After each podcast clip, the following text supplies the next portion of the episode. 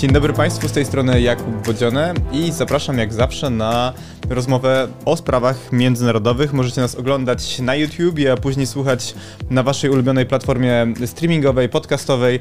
Jeśli lubicie to, co robimy, to subskrybujcie nasz kanał, ocencie podcast, lajkujcie, zostawcie komentarz. To dla nas bardzo cenne, a to niewielki wysiłek e, dla Państwa. Serdecznie też dziękuję osobom, które wspierają finansowo kulturę liberalną, bo ten i inne programy są dostępne właśnie tylko dzięki naszemu wsparciu. A dziś już e, bez zbędnych i przydługich tych wstępów przechodzimy do tematu. Moim gościem jest e, Mateusz Mazzini, socjolog, latynoamerykanista, reporter, felietonista, absolwent Uniwersytetu Oksfordzkiego, doktorant Polskiej Akademii Nauk, gdzie zajmuje się pamięcią zbiorową w Europie i Ameryce Łacińskiej. Pisze dla Gazety Wyborczej, Tygodnika Powszechnego, ale także dla wielu innych prestiżowych pism w Polsce i za granicą. Witam cię serdecznie. Dzień dobry, dzień dobry Państwu. Także jak widzicie, mamy znakomitego dzisiaj gościa. No i skoro Mateusz Mazzini, no to oczywiście Włochy.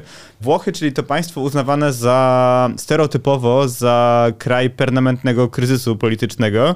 I wiem, że ty nie do końca się z tym zgadzasz, natomiast y, ta sytuacja, którą mamy obecnie, zdaje się to w jakiś sposób e, potwierdzać. Zreasumujmy może tą sytuację, z którą mamy do czynienia dzisiaj. Rząd premiera Mario Dragiego zwrócił się o wotum zaufania dla dekretu związanego z inflacją oraz e, z cenami energii. Ten dekret przeszedł. Natomiast bez głosów e, ruchu pięciu gwiazd, czyli partii, która stanowi największą siłę w parlamencie i też największą siłę koalicyjną. No i w związku z tym e, Mario Draghi, były prezes Europejskiego Banku Centralnego, osoba uznawana za włoskiego męża stanu, stwierdziła, że skoro tak istotna partia w jego koalicji rządzącej nie popiera jego do końca tej polityki, no to on podał się do dymisji. Tylko, że ta dymisja nie została, rozumiem, przyjęta przez e, prezydenta Włoch i on starał się namówić go do tego, żeby w jakiś sposób znalazł e, inne rozwiązanie. No i to rozwiązanie miało się jakoś e, ukazać, czy miało się jakoś utrzeć w środowej debacie parlamentu w wystąpieniu Mario Dragiego i tutaj warto zaznaczyć, że my rozmawiamy w czwartek e, przed południem, także bardzo wiele się jeszcze może zmienić. Natomiast faktycznie w tę środę liczono, że uda się dogadać. To znaczy, że Mario Draghi pozostanie na stanowisku. Tymczasem mamy czwartek przed południe i gdzie jesteśmy teraz? Myślę, że zanim odpowiemy na pytanie, gdzie jesteśmy teraz, to znów trzeba zrobić kilka kroków e, wstecz i, i zrobić przede wszystkim dwie ważne dystynkcje. Pierwszą kontekstową, a drugą e, dotyczącą tego, jaka jest natura tego bieżącego e, kryzysu. Bo rzeczywiście mamy do czynienia z praktycznie już upadkiem rządu Mario Dragiego, który różne etykietki otrzymał przez te ostatnie 18 miesięcy. Mówiono o nim, że to jest rząd jakiejś jedności narodowej czy, czy zaufania narodowego, bo pamiętajmy, i to będzie kluczowe, myślę, dla tej rozmowy, że Mario Draghi nie jest premierem wybranym. On jest premierem z nadania, tak? On został poproszony o sprawowanie tego urzędu, bo nie posiada mandatu demokratycznego. Ten rząd, którym on kierował, mimo że on długo się cieszył sporym poparciem społecznym, to jest mimo wszystko rząd no, kolokwialnie byśmy powiedzieli, włożony na to miejsce. I ten argument, powiedzielibyśmy, antydemokratyczny, paraautorytarny, on w różnych formach jest, jest gdzieś tam kuty, zwłaszcza ze skrajnej prawicy w tej chwili jest bardzo mocno emanowany, bo to właśnie te bardzo prawicowe, skrajnie prawicowe, czasami nawet ugrupowania jak bracia włosy, uderzają właśnie w te tony, że Draghi już nie ma prawa rządzić, tak naprawdę nigdy nie miał prawa rządzić, bo nie ma mandatu, Włosi go nie chcieli, a przynajmniej nikt Włochów nigdy o to nie zapytał, czy, czy, czy to byłby premier, którego oni sobie życzyli. Więc rzeczywiście mamy do czynienia z upadkiem rządu, który był rządem niejako z natury przejściowym, czy, czy takim, Włosi mają takie określenie traghettatore, czyli ktoś, kto prowadzi prom, czy ktoś, kto jest takim bezpiecznym sternikiem, który ma doprowadzić łódkę, czy, czy statek do portu, a potem już odejść po wykonaniu swojego zadania. No i właśnie Draghi takim człowiekiem miał być. Tymczasem on wyszedł z tego kryzysu pandemicznego, przyszedł do kolejnych zupełnie innych zadań i cały czas trwał na tym stanowisku. Wyszedł z jednego kryzysu i przeszedł w kolejny. Przeszedł w kolejny, przy czym jest to innej natury kryzys, tak? Mhm. Bo mówimy tutaj oczywiście o kryzysie wiem,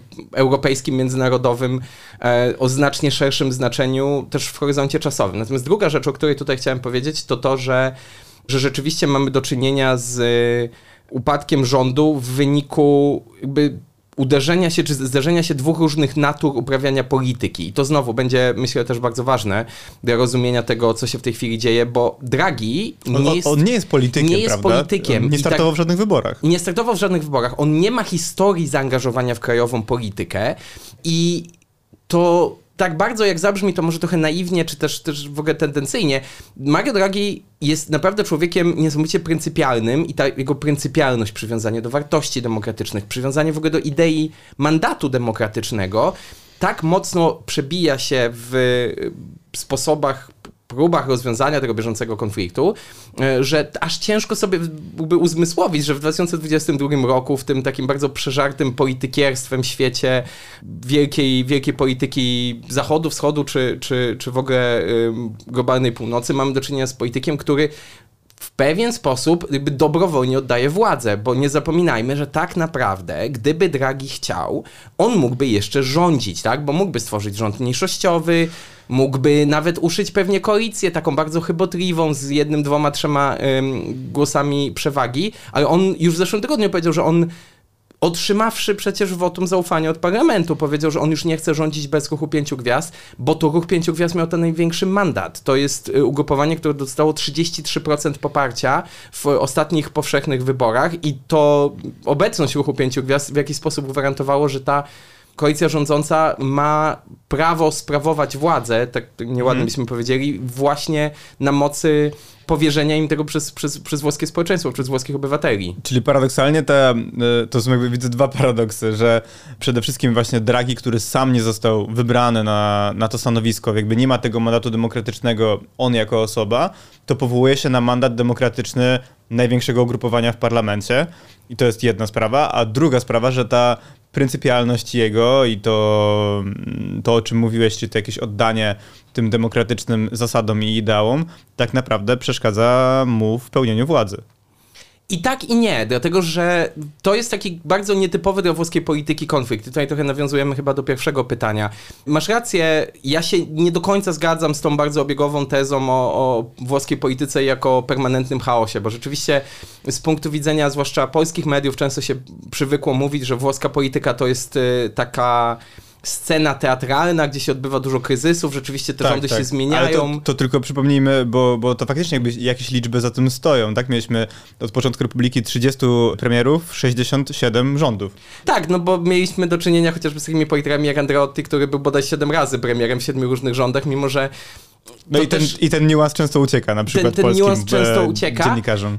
Ale myślę, że jeszcze bardziej szkodliwym em, elementem analizy bieżącego kryzysu jest to, że ten kryzys w ogóle nie dotyczy tego, czego dotyczyły poprzednie kryzysy, dlatego że my w historii powojennej Włoch mieliśmy najczęściej do czynienia z rządami koalicyjnymi, które były silnie spersonalizowane. I okej, tu się zgodzę, tu rzeczywiście w bieżącym kryzysie też mamy elementy głównie gdzieś tam odbijające się od konkretnych osobowości. Natomiast one były bardzo partyjne. Mianowicie to chodziło o negocjacje partyjne, to chodziło o podział stanowisk, to chodziło o ewentualne koalicje w nadchodzących wyborach. Natomiast e, ten kryzys, z którym mamy do czynienia dzisiaj, w czwartek przed południem, właśnie u progu upadku rządu Dragiego, to jest kryzys jakby polityki partyjnej z polityką niepartyjną, bo on wybuchł głównie z tego względu, że Draghi, człowiek 74-letni, niezwykle doświadczony we wszystkich płaszczyznach życia publicznego, ale nie posiadający ani doświadczenia, ani też zrozumienia dynamiki partyjnej, on się po prostu nie umie odnaleźć w tej rzeczywistości negocjacji partyjnych, tego handlu stanowiskami, tego qui pro quo, że tutaj kogoś odpuścimy, zdemisjonuję jednego ministra, dostanę wasze głosy, przeliczę sobie szablę. To nie jest jego uniwersum i on ani nie, nie umie tym nawigować, ani też nie wydaje mi się, żeby był w ogóle zainteresowany taką formą sprawowania władzy. Ale to jest przeciekawe, że można być jednocześnie mężem stanu, a jakby nie być zwierzęciem politycznym. Takim stereotypowym, takim medialnym, takim właśnie, które potrafi się w tym odnaleźć. yy, I tak jest w przypadku Dragiego, rozumiem. Tak jest w przypadku Dragiego i myślę, że jakby doskonałym papierkiem lakmusowym udowadniającym trochę tą jego niekompatybilność z włoską polityką e, jest, e, jest to, co się wydarzyło wczoraj we włoskim parlamencie, czyli w środę, e, dla kontekstu. No bo to nie jest tak, że, że między ubiegłym tygodniem a środą zeszły jakieś gigantyczne zmiany, bo znowu reasumując, w zeszłym tygodniu mieliśmy pierwsze głosowanie nad wotum zaufania, bo ono było połączone właśnie z e, ustawą podatkową, mającą też dać pewną taką osłonę dla cen energii, wiadomo, podbitych przez, przez, przez wojnę toczącą się w tej chwili na Ukrainie.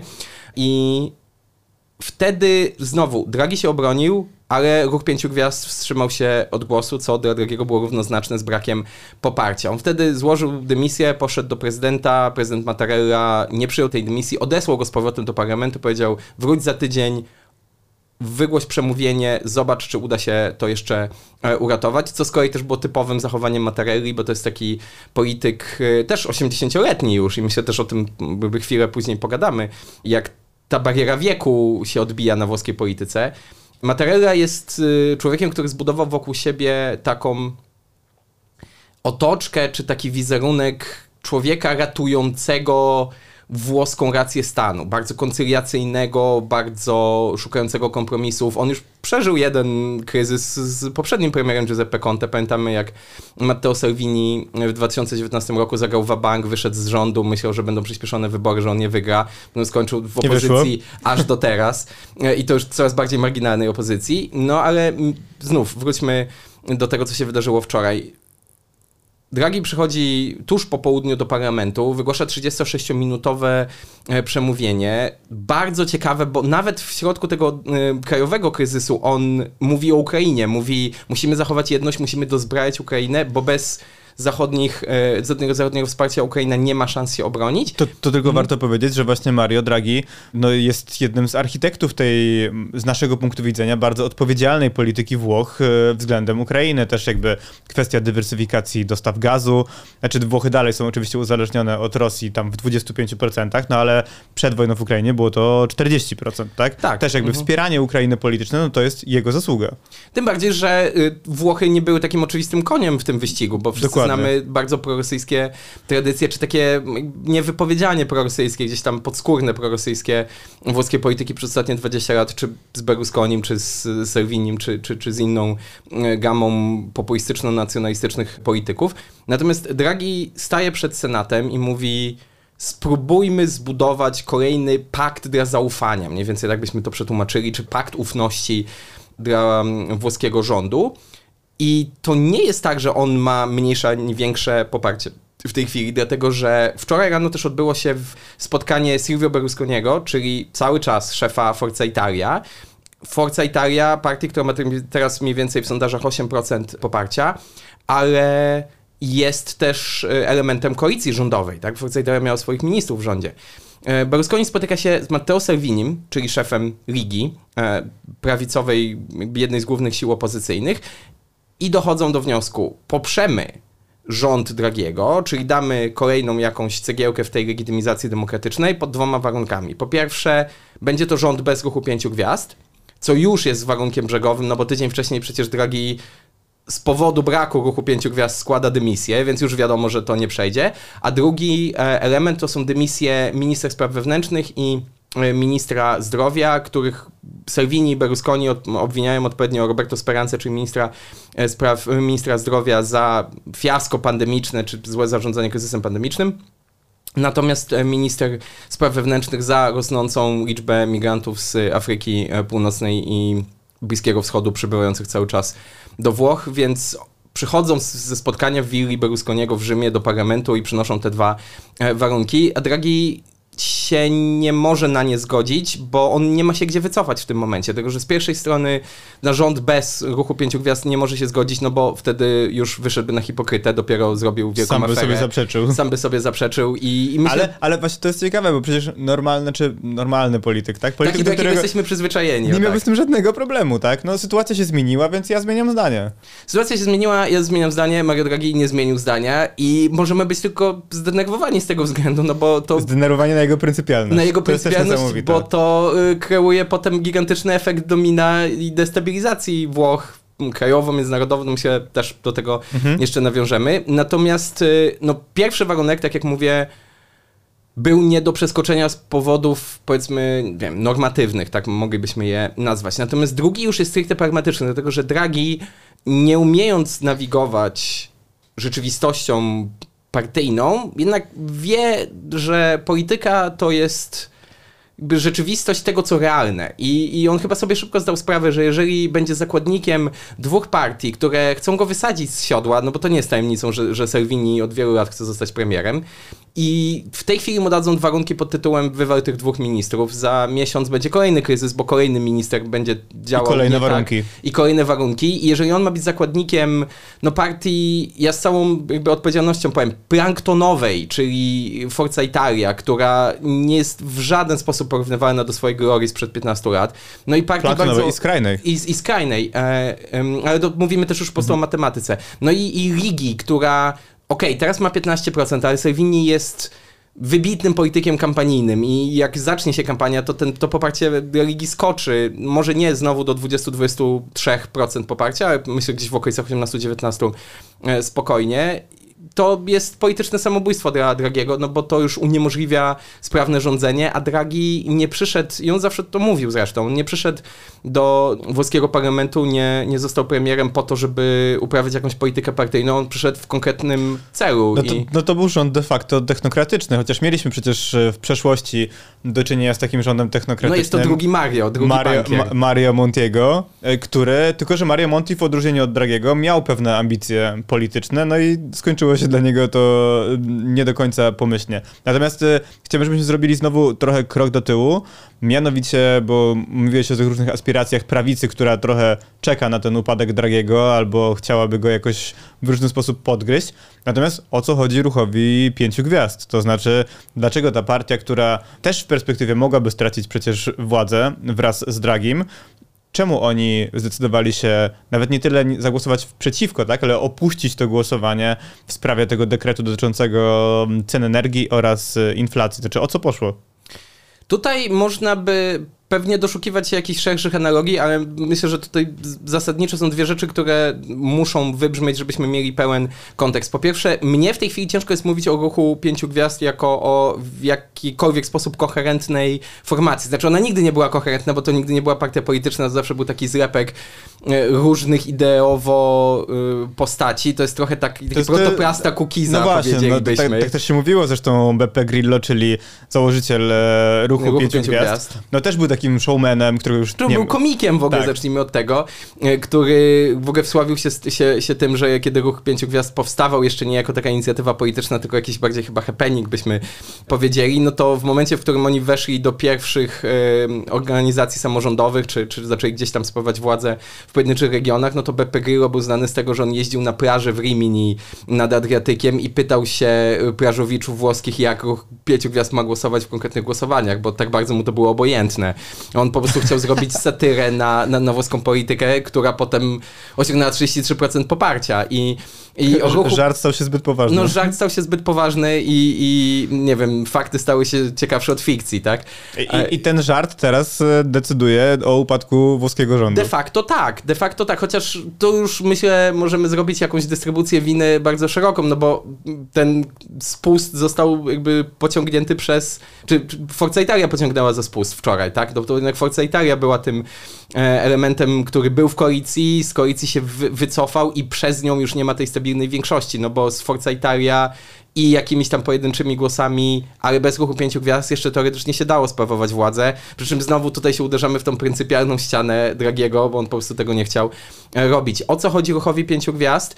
No znów, na pierwszy rzut oka można by uznać, że to jest w ogóle skok w przepaść, bo oni mieli 33% poparcia w poprzednich wyborach, teraz gdzieś w okolicach 10-11, więc nie ma szans w ogóle na powtórkę tego. Czyli, czyli perspektywa wyborów teraz tak. dla nich no, oznacza ogromną stratę polityczną. Ogromna, ogromną stratę ja w ogóle nie postawiłbym swoich pieniędzy na to, że w tych wyborach ruch pięciu gwiazd w ogóle wystartuje, bo, bo to, co się stanie przez najbliższe 2-2,5 miesiąca, wybory prawdopodobnie na jesieni, e, z ruchem pięciu gwiazd to jest jedna wielka niewiadoma. Ja nie wiem, czy ta formacja się nie e, rozpadnie. Zresztą ja też jakby jestem niechętny jakimkolwiek e, przewidywaniom włoskiej polityki, bo ona się z, co godzinę w tej chwili właściwie zmienia. Ale to jest też fascynujące, że mówisz o partii, która ma 33% miała, jakby weszła No, ma tak- mandat na weszła z takim, tak, 33%. dokładnie, weszła z takim wynikiem do parlamentu, jest najsilniejszym ugrupowaniem i teraz no mówisz, że no, nawet nie wiadomo, czy oni wystartują w wyborach, jeśli miałyby takie być.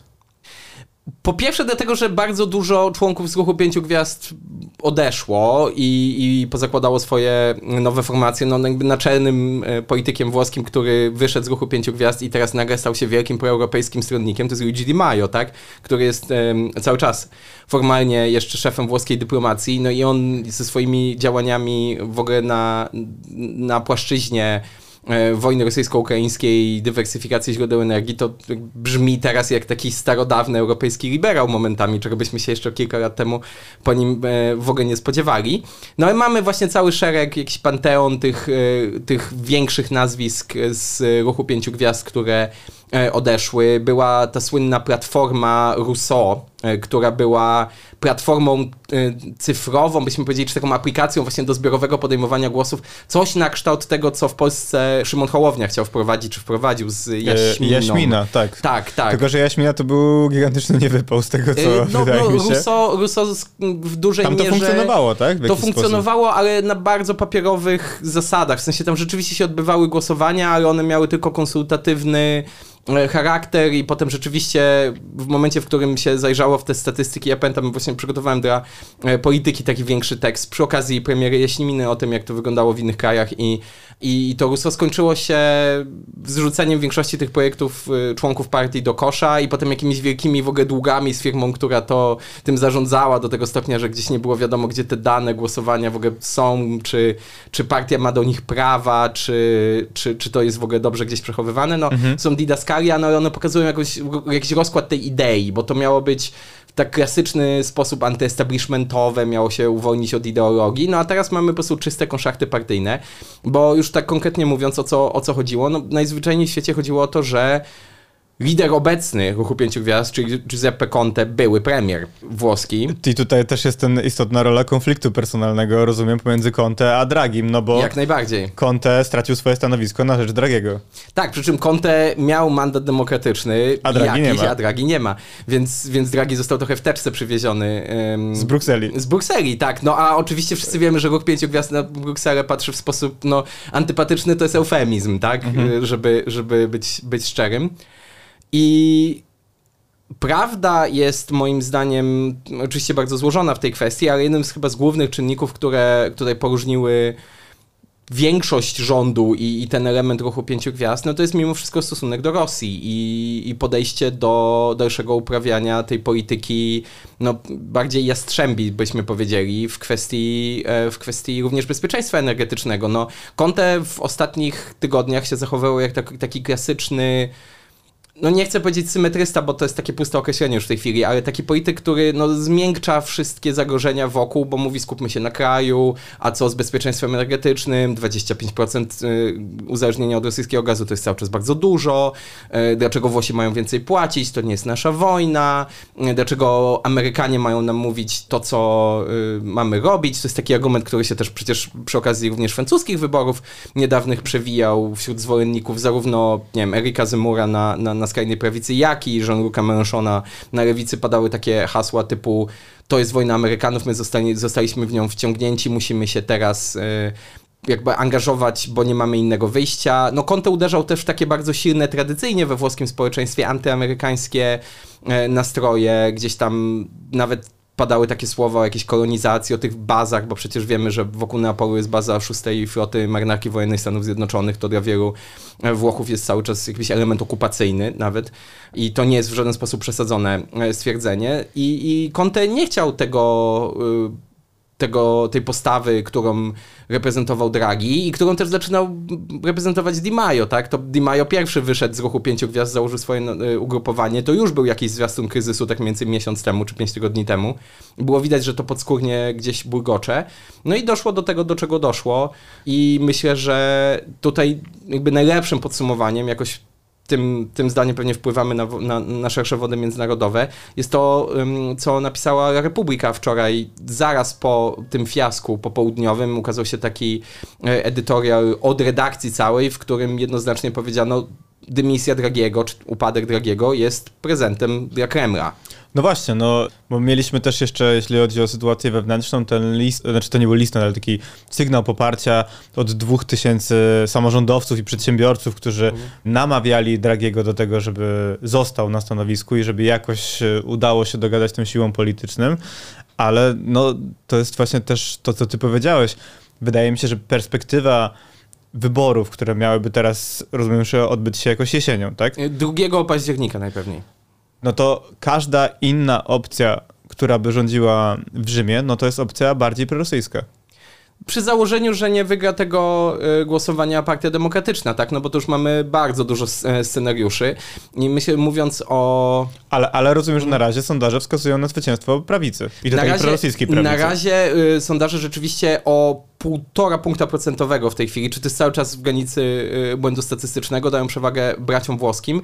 Natomiast y, no myślę, że tutaj warto tą najbliższą moją wypowiedź podzielić na dwie części, czyli porozmawiamy trochę o wyborach, a trochę też o kontekście międzynarodowym, bo ja nie jestem jeszcze przekonany, jak te wybory będą wyglądać, bo to będą bardzo gorące dwa miesiące. Ale to inaczej jeszcze. Mhm. Czy ty jesteś przekonany, że te wybory już będą? To znaczy, czy oni jeszcze Myślę, mogą się chwili... dogadać, że na przykład nagle, że nie wiem, poniedziałek się okaże, że Draghi jednak zostanie na stanowisku premiera i cały ten kryzys uda się zażegnać, to się uda ustabilizować i tak dalej. Myślę, że y, w momencie, w którym obaj wyjdziemy ze studia, to już będziemy wiedzieć, że te wybory się odbywają. Dlatego, że ostatnim elementem, no nie wiem, ostatnim newsem, którym możemy się teraz chyba z, z widzami, słuchaczami podzielić, jest to, że, że dzisiaj rano Draghi odwiedził wreszcie Sergio Mattarella, złożył swoją dymisję, po czym... Do prezydenta. E, do prezydenta, tak. I, i małe szanse są na to, że drugi raz z rzędu w ciągu tygodnia prezydent tej dymisji nie przyjmie, łącznie z tym, że o ile w zeszłym tygodniu wszystkie te główne siły koalicyjne mówiły wprost, zawalczymy, zszyjemy, nie damy się zastraszyć, to wczoraj na koniec debaty już wszyscy jak jeden mąż byli zrezygnowani, łącznie z z tymi siłami liberalnymi, no bo mieliśmy do czynienia, no nie wiem, Matteo Renzi na przykład, były premier, który no nie, nie jest do końca może jednoznaczną postacią, taką, nie wiem, stricte liberalną czy stricte populistyczną, bo i takie, i takie zachowania mu się zdarzały. No ale on wyszedł taki bardzo zrezygnowany z tej sali obrad i powiedział dziennikarzom, no zrobiliśmy co mogliśmy, idźcie do domu, bo to już się nic nie wydarzy. E, z kolei Enrico Letta, inny były premier, no kolejny, którego już tutaj wymieniamy, w tej chwili sekretarz główny e, Partii Demokratycznej powiedział to jest wielka porażka dla włoskiego narodu, ale my się przygotowujemy od jutra na kampanię. Więc jeżeli mówi to Partia Demokratyczna, bo, bo to, że mówi to Giorgia Meloni, szefowa braci włoskich, czy mówi to Salvini, to jest, mnie to specjalnie nie interesuje, tak, bo, bo oni to mówią od dłuższego czasu, a Salvini to jest w ogóle polityk w permanentnym trybie kampanijnym, tak. Jego w pewnym momencie zaczęto mów, jakby przyrównywać, czy nazywać europejskim Donaldem Trumpem, ale to nie dlatego, że on był jakiś taki niewyobrażalnie skuteczny, czy taki bardzo populistyczny, czy tak bardzo nienawidził um, liberalnych instytucji, ale właśnie dlatego, że on był w permanentnym trybie kampanijnym. Jemu kiedyś wyliczono, że w momencie, w którym był um, wicepremierem i ministrem spraw wewnętrznych, to chyba 60% tego czasu spędzał na objeździe po kraju jako polityk partyjny, a nie jako członek rządu. E, więc myślę, że te wybory się wydarzą. Rzeczywiście sondaże może nie są w tej chwili najwygodniejsze dla dla centrolewicy czy, czy, czy jakichkolwiek sił liberalnych, no ale one też ja postawię taką może kontrowersyjną tezę w tym momencie, która się gdzieś też pewnie nie przebija. Ja uważam, że te wybory nie są dobre dla nikogo w tej chwili.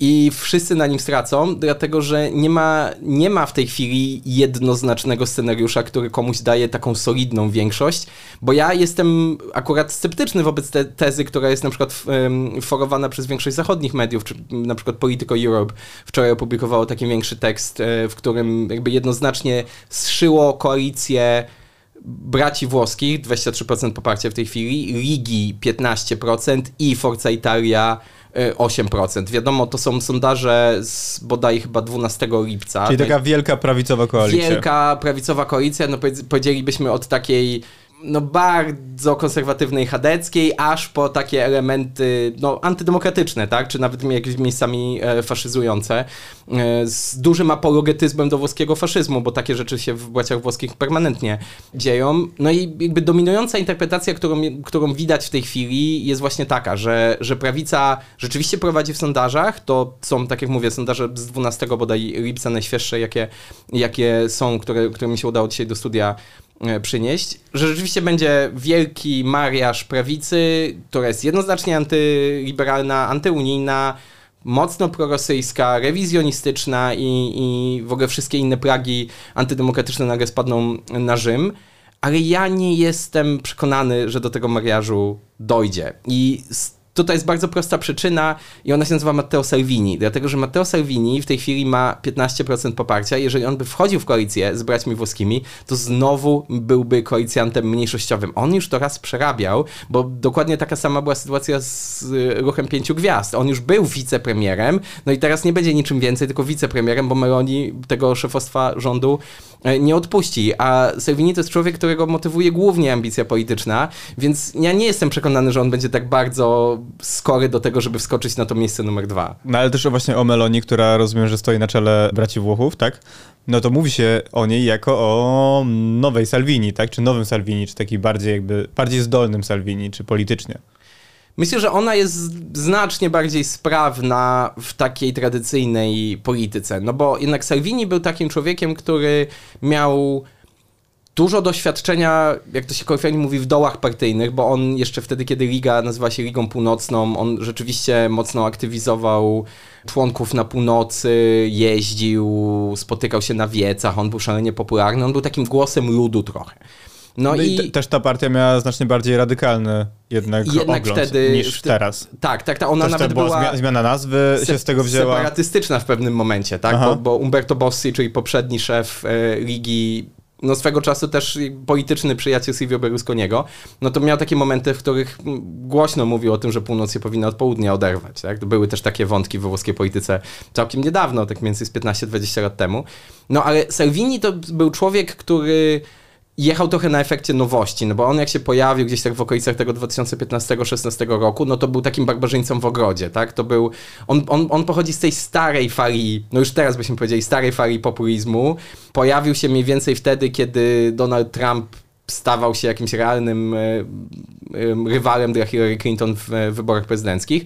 E, I wtedy mu wyciągano też takie elementy radykalne. No przecież Salvini jeździł do Predapio. Predapio to jest rodzinna miejscowość e, Benito Mussoliniego i, i Salvini jeździł w swoich wczesnych e, latach na zloty neofaszystów włoskich oddawać cześć Mussoliniemu na rocznicę jego urodzin i rocznicę jego śmierci. Są z tego zdjęcia bardzo łatwo dostępne w internecie, więc kto to jest, zainteresowany... To jest niesamowite, jak się na to tak patrzy z polskiej perspektywy. Znaczy no... Tak, bo jest to znormalizowane tak, tak, tak, tak, tak, tak. Jakby y, apologetyzm włoskiego faszyzmu to nie jest y, torcik z Principolo w lesie, jak to było w przypadku polskich neofaszystów. No nie, to są wina w każdym sklepie. To są, to na są... przykład w takim Rimini czy w innych kurortach, tak. no to są po prostu wina z Mussolinim, z etykietką. To są, to są ale to są też przede wszystkim politycy, którzy to robili, potem zostają wicepremierami, wiceszefami rządów, tak, czy ministrami spraw wewnętrznych. No, myślę, że przy całej jakiejś, nie wiem, jakby spatologizowaniu polskiej, polskiej y, polityki, to myślę, że mimo mimo wszystko my jakby nie doszliśmy jeszcze do takiego momentu, w którym ktoś, kto, nie wiem, robi sobie zdjęcie w brunatnym mundurze, na przykład potem zostaje, nie wiem, szefem rządu, tak? No to jesteśmy pewnie jeszcze, mam nadzieję przynajmniej, jakiś krok wstecz tak, za tym. Tak, miejmy Chociaż nadzieję. to zawsze jest ryzykowna teza, niestety. Tak, ale to, to, co tutaj rysujemy, no nie wygląda, szczerze mówiąc, e, zbyt optymistycznie. Powiedzmy w takim razie, jakie byłyby konsekwencje, w sensie, jakie ty widzisz scenariusze, e, no dla Polski konkretnie, co miałoby to oznaczać? Po pierwsze, upadek tego rządu drogiego i ewentualne zwycięstwo prawicy, ale też szerzej dla, dla Unii Europejskiej, no bo mamy właśnie te głosy z mediów europejskich, o których ty wspominałeś, Polityko, czy teraz widziałem w Financial Timesie taki artykuł, że Włochy potrzebują Dragiego, to brzmiało jak taki, taki apel, no. Co w takim razie to by oznaczało dla nas konkretnie, jako tych zwolenników jak najtwardszego kursu Unii Europejskiej przeciwko Rosji i szerzej dla, dla Unii? Myślę, że Financial Times pisze, że, że Włochy potrzebują Dragiego, bo Europa potrzebuje Dragiego. To nie jest w tym momencie już tylko i wyłącznie kwestia włoska i jakkolwiek zabrzmi to może dramatycznie, to to jest naprawdę duży cios dla stabilności Unii Europejskiej, to co się w tej chwili dzieje e, w Rzymie, dlatego że już robiąc rajd przez możliwe scenariusze na, no na jesień. Trzecia gospodarka Unii Europejskiej. Trzecia gospodarka Unii Europejskiej, ale też wreszcie silny, stabilny punkt e, liberalny, no bo Włochy przy całej swojej tradycji proeuropejskiej byciu jakby państwem założycielem wspólnot europejskich i, i całej tej pięknej, temu pięknemu dziedzictwu, no to nie były wcale takim pewnym partnerem przez ostatnie 15-20 lat. Bardziej się, no oczywiście patrzono na Berlin, ale też na, na, na Paryż, czy nawet już momentami na Madryt, a, a, a Włochy to był, to był zawsze ten Berlusconi, który nie wiadomo było co zrobi, czy on wyjdzie do Europejskiego Parlamentu i, i kogoś, nie wiem, oskarży albo przyrówna do, do roli, nie wiem, strażnika w obozie koncentracyjnym, czy, czy zrobi sobie zdjęcie na jachcie należącym do Putina i potem trzeba będzie się jakoś z tego tłumaczyć. Natomiast Draghi to był człowiek, który, no on te idee europejskości uosabiał, uosabia w w dalszym ciągu no, mamy do czynienia, znowu wracamy do początku naszej rozmowy, z człowiekiem, który dobrowolnie oddaje władzę nad trzecią gospodarką Unii Europejskiej właśnie dlatego, że uważa, że już mu się ta władza po prostu nie należy. I, i jakie będą konsekwencje tego dla Unii? No myślę, że jeżeli rzeczywiście dojdzie do do takiej mega koalicji prawicowej, no to one będą katastrofalne, dlatego że premier Meloni to jest premier, który, która będzie jakby sabotować wszystkie możliwe inicjatywy na forum unijnym, tak? To jest kolejny Orban. To jest kolejny Orban, który wkłada A ona jest jakoś szprychę. jednoznacznie powiązana na przykład tak, czy możemy to porównać do sytuacji Marine Le Pen i jej powiązań z Kremlem? Czy, czy tutaj istnieje znaczy, podobna Tutaj nie mamy, zależność? nie mamy y, dowodów na zależność taką stricte finansową. To było bardziej w przypadku Salviniego, bo jemu dziennikarze tygodnika Espresso bodaj chyba 3 lata temu, czy 2,5 roku temu by udowodnili to, że, że jeden z banków powiązanych z Kremlem płacił w, za pomocą spółek słupów, już nazwijmy to po imieniu, pieniądze na kampanię do Europarlamentu Ligi. No tak, tam też było to słynne zdjęcie Salviniego, które teraz jednoznacznie mu się wyciąga, że on e, był przed Kremlem w koszulce e, z Putinem bodajże, z tak? Z Putinem, tak. To I potem przyjechał... Tą koszulkę po, potem tak, w Rzeszowie chyba pokazywano. W Przemyślu. W Przemyślu, On tak. przyjechał do Przemyśla na początku wojny w Ukrainie, no i właśnie tam e, został, że tak powiem, jednoznacznie dosyć zimno potraktowany przez, przez władze miasta. Tak, i, i myślę, że on trochę nie ucieknie e, od tych porównań, ale no tak jak mówię, Salvini trochę z własnej winy, trochę z wyniku swoich własnych ambicji jest już dla mnie aktorem drugoplanowym. No, skupmy się może rzeczywiście na Georgie Meloni, bo ona może nie jest jakby jednoznacznie powiązana instytucjonalnie z Kremlem, przynajmniej nie, nie, ma, nie ma dowodów na to, że nie mamy takiej wiedzy ani w świecie akademickim, ani dziennikarskim. Natomiast y, o tyle może to nawet jeszcze bardziej niepokojące jest to, że ona nie jest powiązana, ona nie musi być powiązana, bo ona i tak odgrywa taką samą rolę, jadąc na własnym krajowym paliwie i nie wiem, czy nie jest to nawet jeszcze bardziej... Czyli trochę z własnej woli, a nie jest tak, że ktoś ma na nią haka na przykład względem No z własnej woli, przy czym myślę, że Salvini też to robił z własnej woli, ale potrzebował jakiejś iniekcji, nie wiem, finansowej. Natomiast Meloni doskonale sobie radzi w ogóle bez zewnętrznej pomocy czy patronatu. To jest osoba, która ma bardzo jasno sprecyzowane poglądy no, skrajnie prawicowe na rzeczy takie światopoglądowe. Doskonale to było widać e, przy okazji europejskich odsłon e, tego głośnego lata 2020 e, roku, kiedy w Stanach Zjednoczonych się toczyły wielkie protesty Black Lives Matter i one się potem szybko rozgrały do Europy, bo mieliśmy zrzucenie tej statuły Edwarda Colstona w Bristolu, potem mieliśmy wielkie demonstracje we Francji. W ogóle dlaczego o tym mówię?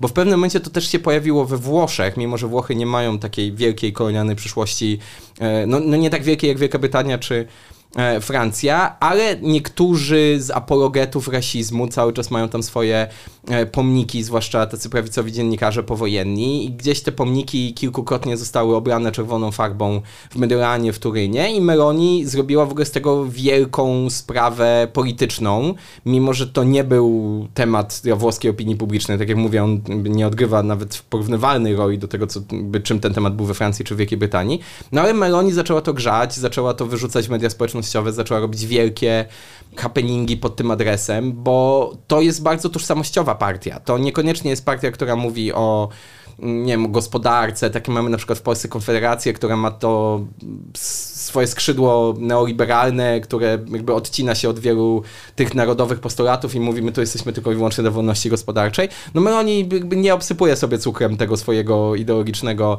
e, dywanu i mówi wprost e, soweranizm, oddanie rąk, oddanie władzy w ręce e, Włochów, wyjście z Unii Europejskiej, pozbycie się jakichkolwiek, nie wiem, elementów sojuszów międzynarodowych, czyli znowu na przykład bazy Stanów Zjednoczonych, czy bazy NATO w ogóle na terenie Włoch, brak zaangażowania, izolacjonizm, no to de facto no, Czyli znaczy... koszmar.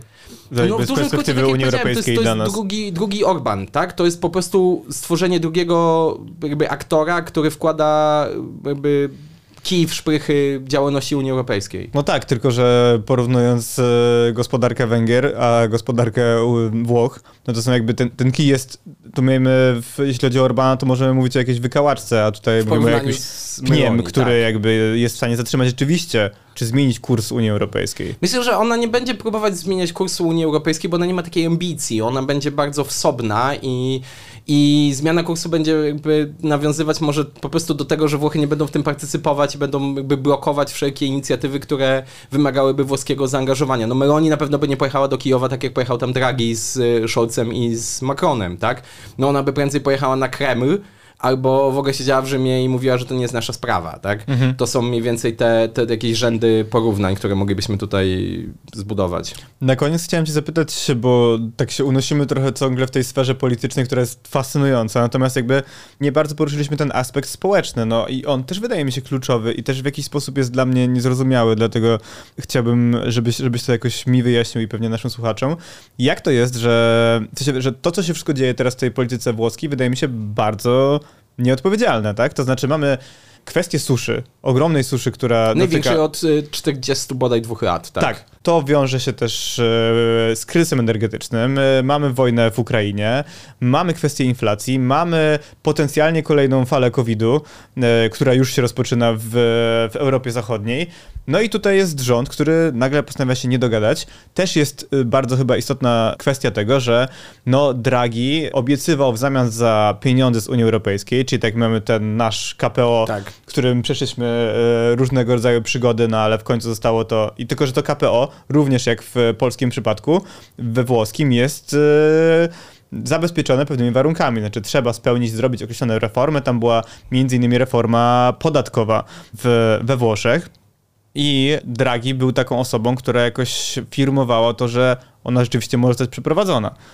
Natomiast wydaje się, że tutaj jakby to wszystko staje pod wielkim znakiem zapytania.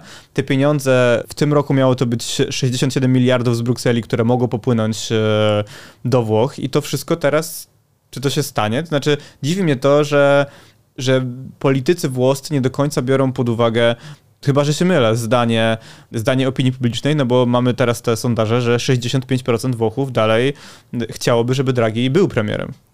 I to jest i tak mały wynik, dlatego że były takie momenty gdzieś na jesieni ubiegłego roku, w którym odsetek pozytywnych ocen dla e, Mario Dragiego wynosił nawet 80 czy 82%. Ja pamiętam e, taki esej opublikowany w Guardianie chyba w listopadzie 2021 roku, w którym Guardian pisał o Draghi dependency, tak? czyli że, że to jest już trochę nawet za dużo, że Włochy zależą od Dragiego tak bardzo, że ten Draghi nie może się w ogóle ruszyć z miejsca, no bo, bo on jest jedynym gwarantem jakiejkolwiek stabilności politycznej. Pamiętamy, co się działo przy ostatnich e, wyborach prezydenckich. Przecież tam błagano tego Dragiego na kolanach, żeby on, broń Boże, nie zostawał prezydentem, no bo jak on zostanie prezydentem, to kto zostanie premierem? To się to wszystko posypie i, i jakby chodzono wokół niego jak wokół takiego przysłowiowego jajka, żeby on, broń Boże, tam nie, nie, nie zmienił zdania i nie ruszył się nawet o centymetr e, z miejsca. I czy to jest nieodpowiedzialne? No to jest skrajnie nieodpowiedzialne, nie tylko w kontekście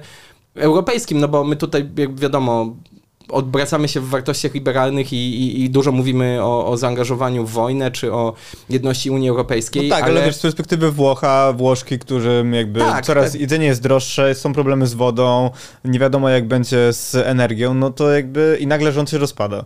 I nagle rząd się rozpada. I tak jak, tak jak mówię, no jakby możemy po prostu wyjść z perspektywy jakby rozmowy o ideologii czy o wartościach i, i rzucić po prostu na to okiem reporterskim, tak jak się zawsze staram ja to robić i, i, i rzeczywiście zobaczyć, że, że w momencie, w którym Włochy są jakby na krawędzi kilku co najmniej kryzysów, no bo rzeczywiście mamy drugą w ciągu trzech tygodni falę upałów. Tam jest chyba 500 ponad 500 już w tej chwili przedwczesnych zgonów w wyniku upałów. Rzeka Pad, która ma 650 km, jest cała na północy, ma najniższy poziom od kilkudziesięciu lat, y, do tego stopnia, że, że na terenie, gdzieś tam na, na szlaku, na którym płynie ta rzeka, są miejscowości, w których nie padało od ponad 200 dni, tak? Tam nie było deszczu od listopada ubiegłego roku, to możemy sobie tylko wyobrazić, jak to wygląda, to jest północ Włoch, my nie mówimy w tym momencie o Sycylii, czy, czy, czy o, o nie wiem, o Bari na przykład, czy o Apulii. Rzeczywiście mamy bardzo dużo też takich jednostkowych katastrof, no chociażby e, lodowiec Marmolada, tak, czyli ta, ta śmierć alpinistów. Tak, tam się odłamał kawałek kawał, lodowca tak, i... Sprzed, sprzed dwóch tygodni. Tak, i zabił część osób, które się wspinały. konkretną e, konsekwencją zmian klimatycznych i Draghi też jakby nazwał rzeczy po imieniu jeszcze wtedy będąc w miarę swobodnie premierem, mówię, że to jakby widać, że to jest e, konsekwencja bezpośrednia właśnie ocieplenia klimatu i czy to jest nieodpowiedzialne? No to jest skrajnie nieodpowiedzialne, dlatego że ta łódka i tak jest sama z siebie rozkołysana, a, a politycy ją teraz rozkołysali jeszcze mocniej. Zresztą dokładnie to powiedział e, Paolo Gentiloni, który jest teraz komisarzem unijnym do spraw y, gospodarczych i monetarnych i on w twicie wczoraj wieczorem napisał, to jest zwycięstwo tych, którzy są nieodpowiedzialni.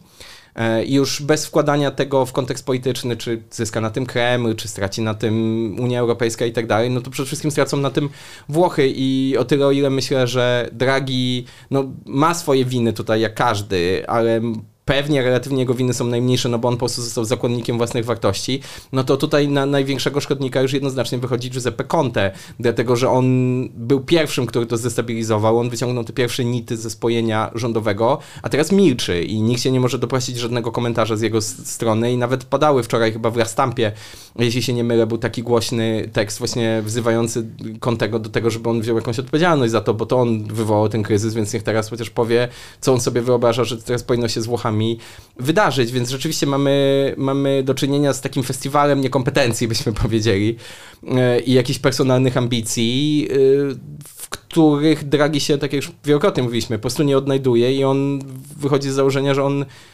on i tak już niczego lepszego tutaj nie zrobi, podejrzewam, więc... Ale to jest, przecie, to jest przeciekawe, że jakby masz i, i tak mówisz, że to poparcie jest teraz dużo niższe dla Dragiego społeczne wynosi powiedzmy około 65%, tak. czyli to że tak powiem, ono nie jest oficjalne, tak, ale to demokratyczne poparcie dla niedemokratycznie wybranego premiera jest bardzo wysokie, pomimo tego jakby to wszystko się rozpada. No i znowu musimy zdefiniować demokratyczne, tak, no bo to jest, to jest słowo, tak jak już też wspomniałem na początku, które gdzieś tam lata po wszystkich elementach sceny politycznej, każdy tego używa e, we własnym, uzbraja to, czy używa we własnym kontekście, no bo na przykład Georgia Meloni już w sobotę wysłała newsletter do wszystkich e, zwolenników braci włoskich, w którym napisała wybory teraz, dlatego że Draghi nie ma e, jakby mandatu demokratycznego i rzeczywiście Włosi nigdy mu nie powierzyli tej władzy, więc na przykład dla Meloni demokracja oznacza to, że Draghi nie posiada prawa do rządzenia. Z kolei na przykład wczoraj, i to też było bardzo jakby kolorowe, i myślę, że to jest jakaś fajna anegdota gdzieś na podsumowanie, Enrico Letta, czyli sekretarz generalny e, Partii Demokratycznej, wyszedł wczoraj do dziennikarzy po już tej bardzo gorącej debacie i powiedział, to jest porażka włoskiego narodu. Bo włoski naród mimo wszystko, tak jak powiedziałeś, 65% y, respondentów popiera Dragiego, mimo wszystko on nie zostanie premierem. A potem Meloni wyszła na kolejną y, konferencję prasową i powiedziała, pierwszy raz w życiu zgadzam się z Enrico Rettą, tak, to jest porażka włoskiego narodu, żebyście w ogóle próbowali jeszcze tego drugiego utrzymać, tak? Więc znowu punkt widzenia zależy od punktu siedzenia. Okay. Ostatnia rzecz, bo zapowiedzieliśmy ją i głupio byłoby słowa nie dotrzymać. Wspomniałeś o tej roli bariery wieku, różnic pokoleniowych w polityce. To tak już króciutko, ale powiedz, jakie to ma mhm. znaczenie szczególnie w tej, we Włoszech. Myślę, że tutaj dla wszystkich zainteresowanych odeślę do bardzo ciekawego eseju, który Jamal Ganesh opublikował chyba trzy dni temu, wydaje mi się na początku bieżącego tygodnia Financial Times, e, w którym pisał, że zachodnie demokracje mają problem z talentem. I to bardzo mocno widać we włoskiej polityce, dlatego że we włoskiej polityce jest niewyobrażalnie krótka ławka, zwłaszcza w e, ugrupowaniach, które się jeszcze poruszają w tych tradycyjnych przestrzeniach demokratycznych, no bo jakby reasumujemy wszystkie te nazwiska, które się odbijają. Draghi ma 74 lata, Mattarella ma 80, Silvio Berlusconi ma 84 lata, najmłodszy w tym gronie jest Enrico Letta, który ma lat 55, tak? To nie jest młody polityk w żadnym stopniu e, i no był przez chwilę Matteo Renzi, no ale on się okazał jednak takim politykiem bardzo chybotliwym, e, jeśli chodzi o, o, o swoje gdzieś tam postawy e, ideologiczne i normatywne i nawet gdyby komuś można było powierzyć tą rolę krejenia koalicji, gdyby Draghi powiedział, no dobra, ja nie, bo może rzeczywiście mam silny elektorat negatywny na prawicy, no ale niech to będzie jakiś młody, zdolny 30, 40, 45-latek, nie ma takich polityków. I to bardzo mocno widać, zresztą nie tylko we włoskiej polityce, bo to prawdą jest to, teraz piszę o tym, że Morgan w Financial Times bodaj 25 lat temu pisał o tym Tony Judd, że już od lat 70. zachodnioeuropejskie demokracje mają problem z talentem, bo te największe talenty trafiają na rynek prywatny i polityka staje się trochę taką grą albo emerytów, Joe Biden, najlepszy przykład, albo ludzi, którzy no niekoniecznie mają kompetencje i wyobraźnię do tego, żeby, żeby rzeczywiście władzę sprawować. I jedyne partie, które rzeczywiście wpuszczają nową krew, no to są partie mocno antysystemowe, no bo tak stąd się wziął Di Maio, relatywnie młody, stąd się bierze też Giorgia Meloni, no ale to nie są wszystko wybory kompetencyjne, to są wybory najczęściej tam oparte na charyzmie i niczym więcej. No wiesz, u nas też Rafał Trzaskowski, bardzo młody polityk, 50 lat. letni Tak, Dokładnie. tak. Także, drodzy Państwo, musimy już dzisiaj kończyć. Bardzo Ci dziękuję, Bardzo e, dziękuję, za dziękuję dzisiaj. Państwu. Pamiętajcie o tym, żeby nas subskrybować, komentować, lajkować, recenzować. To naprawdę wszystko dla nas bardzo wiele znaczy. Szczególnie dziękuję mm, tym osobom, które nas wspierają, bo to dzięki Wam ten program oraz Widok z K2 oraz Prawo do Niuansu właśnie powstają, rozwijają się i mogą docierać do coraz większej liczby nowych osób. Dzisiejszy program wydawała i realizowała Zosia Majchrzak, której również serdecznie dziękujemy, a my widzimy się już za tydzień. Do zobaczenia. Do widzenia.